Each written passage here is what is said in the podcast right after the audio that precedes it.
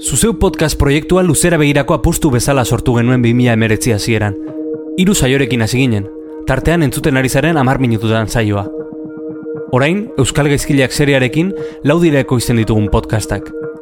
Proiektuak entzuleak ditu oinarrian, eta entzulek babesten dute proiektua bera. Horregatik sortu dugu Patreon horrialdea. Audiogintza zuri esker egin nahi dugulako. Patreon horrialdean hiru arpidetza mota topatuko dituzu. Aukeratu egokiena iruditzen zaizuna, zuzeu podcast komunitatera batu eta proiektua babesteko. Sartu patreon.com barra zuzeupod elbidera. Hori da, patreon.com barra zuzeupod. Eta arpidetu gure edukietara. Azkue fundazioak babesten du, amar minututan. Kaixo, maite goni naiz, eta hau amar minututan da.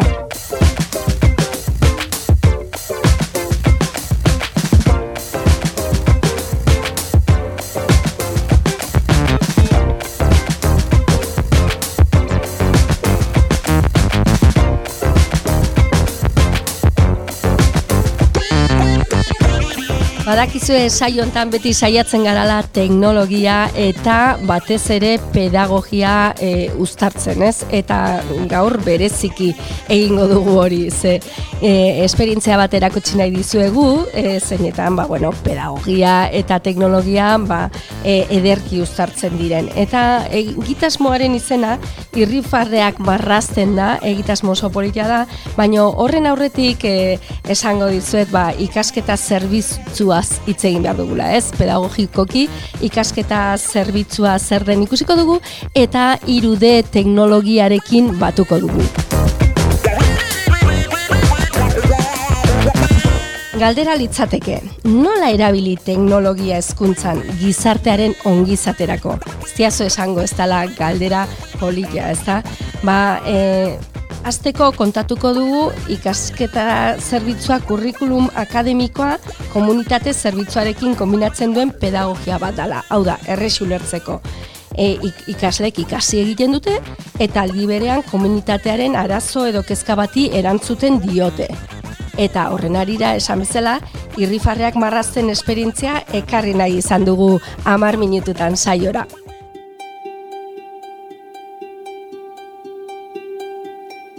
David Muñoz, Don Bosco lanbide ziketako ikastetxeko irakaslea gonbidatu dugu saiora. Davidek esperientzia honetan parte hartu zuen eta mm, honena izango da berak kontatzea zertan datzan egitasmo hori, nola ziren, guazen deia egitera. Bai. Kaixo, David, ongi etorri amak minututan saiora. Bueno, azteko, nola batzen dira irude inprimagailuak eta ikasketa zerbitzua? Konta iguzu pixka bat zuen egitasmoaz. Ba, gure egitasmoa oan dela iru lau bat urte hasi genuen eta ingenun azan ba, irude inprimaketako kompetentziak eskuratzeko proiektu solidario bat sortu sortu baina bai esango nuke ingenula parte hartu mundu mailan da honeko ja existitzen zen beste mugimendu baten Animal the Future izeneko mugimenduan. Uh Mugimendu horren helburua zan ba eskuak edo besoak falta zituzten pertsona hoiei ba, esku edo beso protesiko batzuk sortia irude imprimagailuak erabilitza. Guk aukera ikusi genuen, gara hartan irude imprimagailuak astentzierako proliferatzen bai ezkuntzen eta baita ba, esango genuke ere muez profesionalian, ba, eta ikusten genuen ba, e, kompetentzia horiek ba, garrantzitsuak izango zira, mm gure ikasleentzako etortzunean, ba, nola bai, ba, bi gauzak elkartu genitun, eta esan genuen, ba, ben, bazen zerbait ezberdina aitea, eta modu praktiko batian eta solidario batian, ba, kompetentzia hauek eskuratzea. Ba, hori esan behar nizunez, erabat solidarioa, eta gainera, e, ulertuta dauket bolondreski egintzela, ez? Modu uh, voluntarioan pixka bat, edo. Nola, bai, bai, nola zitzen bai, bai, ala, bai, ala, ala izan zen, guk planteatu genien ikasle ea parte hartu nahi zuten, enable the izeneko ba, proiektu hartan, mm eta nola proiektu hori gauzatuko zen, ba, eskola ordutatik kanpoa. Askotan pentsatzen dugu halako gauzak planteatzen dizki egunean ikaslei, ba, erantzuna ez dala ona izango, ze supo, e, askotan pentsatzen dugu behaiek lankarga estra bat bezala ikusiko dutela, baina kasu honetan ba, erabat kontrakoa izan, izan zen ze arrakasta handia izan genuen eta ikasle kopuru handi bat egontan lanean ba, biru ikasturtetan zehar proiektu honetan. Mm -hmm. bera, amabostetik hogei bat ikasle eta pasatian urtezu. Jo, ba, imaginatu ez, askotan esaten dugu bakarrik notagatik mugitzen direla edo agiri bategatik eta orduan horrela lan egitea ba, irakasle ontzat ere oso pozgarri izaten da. Eta beraien motivazioan ere eragina handia izango zuen ez, gara hortan imaginatzen dut e, praktika hori aurrera eramaten ari direnean.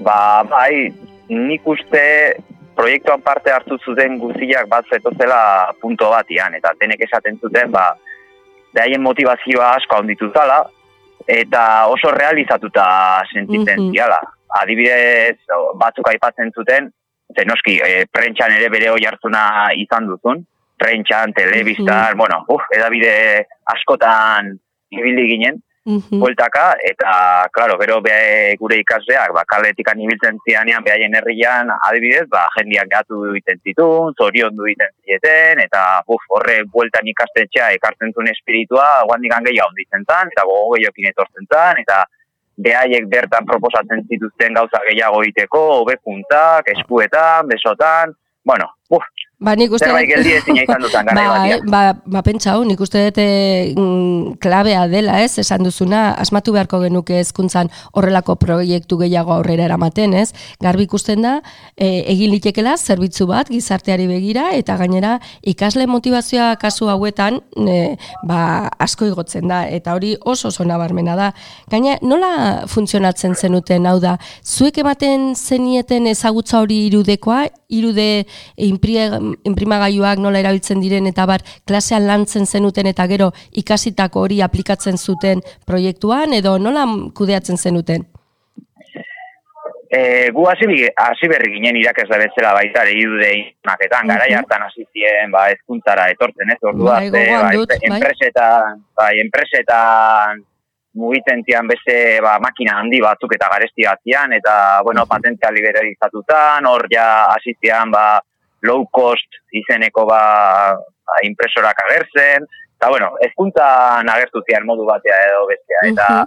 lehenengo ba, Google lana izan genuen irakasle bezala, ba, e, imprimagailu horiek dominatzen hasteko, ez? E, eta gero, ba, bai, e, naiz eta proiektu hau, e, oain komentatzen egean proiektu hau, eskuen proiektu hau, e, orduzkampo planteatzen zan, gu gure egunerokoan edo gure ikasleekin buruten genitun proiektutan, basartzen genuen ja irude imprimagaioan erabilera. Gure alorgunea elektronika eta telekomunikazioen alorgunea da, eta gure laniteko modua ikasleekin beti izan da proiektuak garatzea, eta proiektu hoiei eman geni ba, em, e, impresora hauek eskaitzen dizkiguten gaitasunetako bat edo bekuntzetako bat zen, ba, gure proiektuen itxura asko hobetzen tala. Mm interneten e, bat zeuden edo badaude ba, objetu pila bat jendiak e, konpartitzen ditunak, zuk erabilititazkezunak, deskargatu, imprimitu, eta horrek, ba, esango genuke, ba, nola gure proiektuei ikasleekin egiten genitu noiei ere, ba, ba, ematen ziela beste plus bat, ez?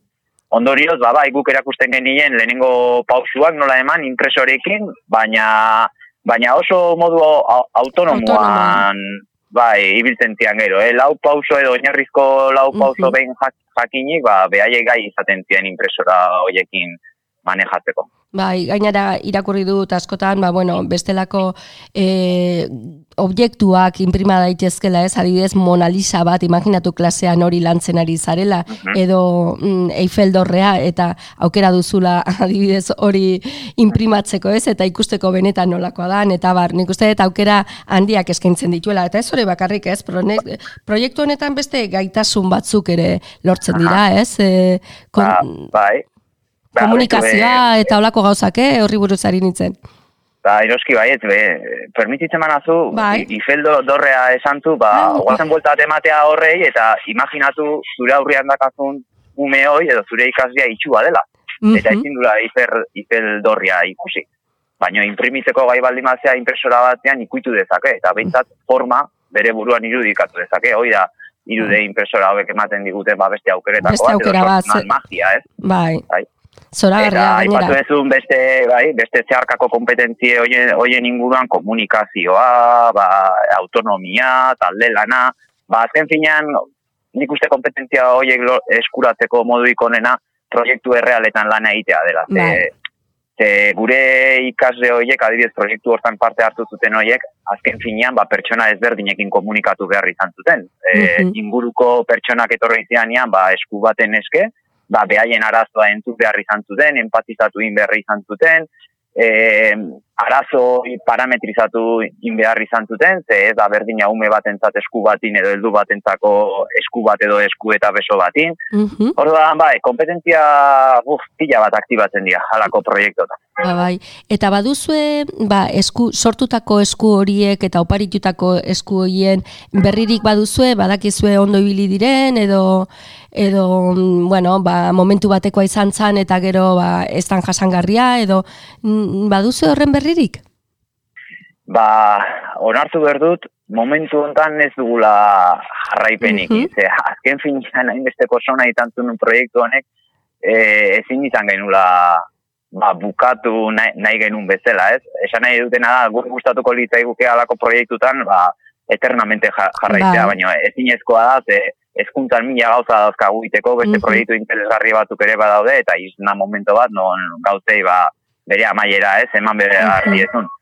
E, badakigu adibidez, ba, unai izantan gure gure akaso gure kasurik ba oihartzun handiena izan duzuna, Mhm. Galiziarra zan, hor bueno, ba, ez, daki, ez dakigu zergatik, ba, gaur egungo komunikabideen ba, funtzionatzeko moduan gatik edo hor lehertu guztia, hor komunikabideak, telebistak, irratiak, atzetik izan genitun. Mhm. Bai, Bueno, ba, unaien kasuan, bai, ba, unaien kasuan, ba, badakigu, adibidez, eramantula bere besua galizira, eta handikan, ba, amar egun eta, ba, puskatu intudat. E, bueno, azken finean, ba, umia da, ez, piztinara junta, ba, ba, bueno, jolasten bakizute, ba, hoxe da, Bai. ez, e, gertatzen dena, ez, e, gero berriz ingen nio, eh, noski, eh, e, baina, karo, berriz bigarna puskatu gote duen ez, ba, momentu Ez dakizu, ez dakizu horren bere. Ez, baina nik uste gaina interes... ma, honena, barkatu emaiten, Bai, bai, bai, honen, bai. guztionen honena da, zuk behin, zuretzako edo zuretzako egokitutako beso bat baldin badakazu, esku bat baldin badakazu,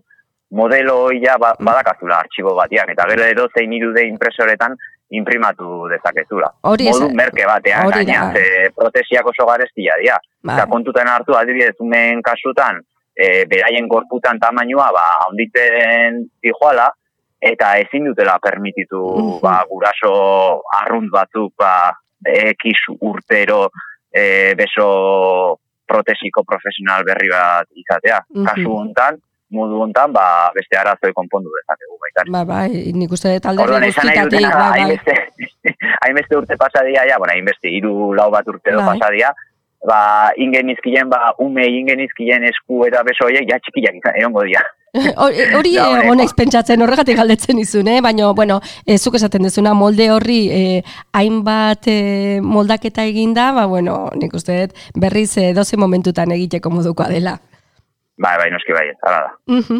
Eta bukatzen joateko, ezagutzen duzu irakaskuntzan beste esperientziarik edo e, iruden ibili direnik edo lantzen dutenik edo baliatzen dutenik teknologia hori ba, helburu didaktikoren bat edo beste lortzeko?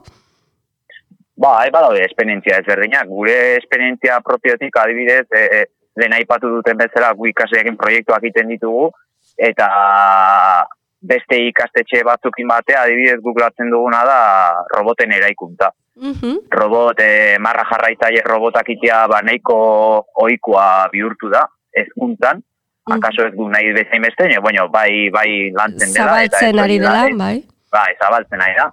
Ez soilik lanbide ziketako ba, etapan, bai, adibidez DBH eta batxillergotan ere lantzen da, eta adibidez guk urtero antolatzen dugu estean ba, ez da bat, e, ekitaldi bat, eta bertan lehiaketa ezberdinak antolatzen ditugu, eta ezako bat izaten da, ba, robotikakoa. Mhm. Eta bertan parte hartzen dute, ba, kategoria ezberdinetako edo etapa ezberdinetako neskan mutilak.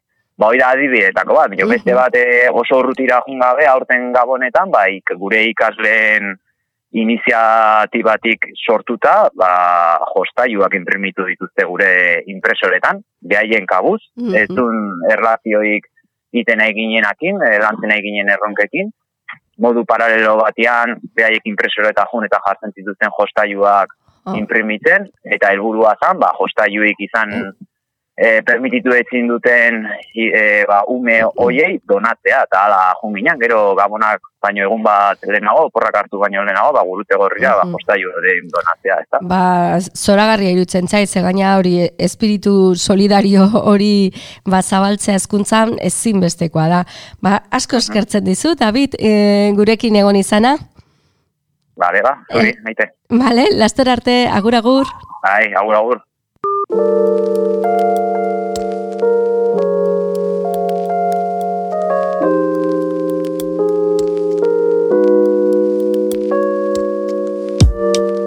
Bueno, ba, garbi geratu da, ez? Teknologiak askotan zer egin dezaken, zer eman dezaken, eta horrelako naiz eta urte batzutako esperientzia izan, mm, ikusi dugu garatzen joan dela, eta irude teknologiak ba, beste gauza batzuk ere egiteko eman duela. Eta esperientzia konkretu hori ekarri nahi genuen, iruditzen zaigulako ba, gauza positibo asko daudela horren atzean, eta irakasleok asmatu beharko genuke nola edo ala horrelako motivazioa, implikazioa, solidaritarea eta horiek guztiak ba, gure egunerokoan eh, batzen eta sartzen.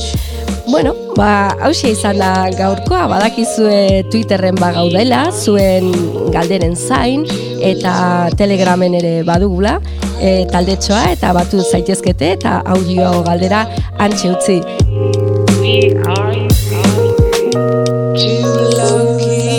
Hauxe izan da gure bigarren denboraldiko azken saioa eta apirilan aurre eh, apirilan bitik aurrera jarraituko dugu hirugarrenarekin.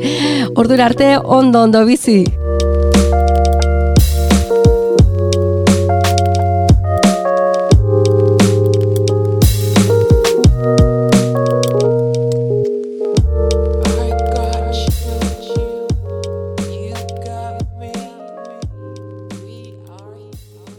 Edo zein audio plataformatan entzun dezakezu zuzeu podcast. Spotify, Apple Podcast, Stitcher, eta bestela sartu podcast.eus elbidera.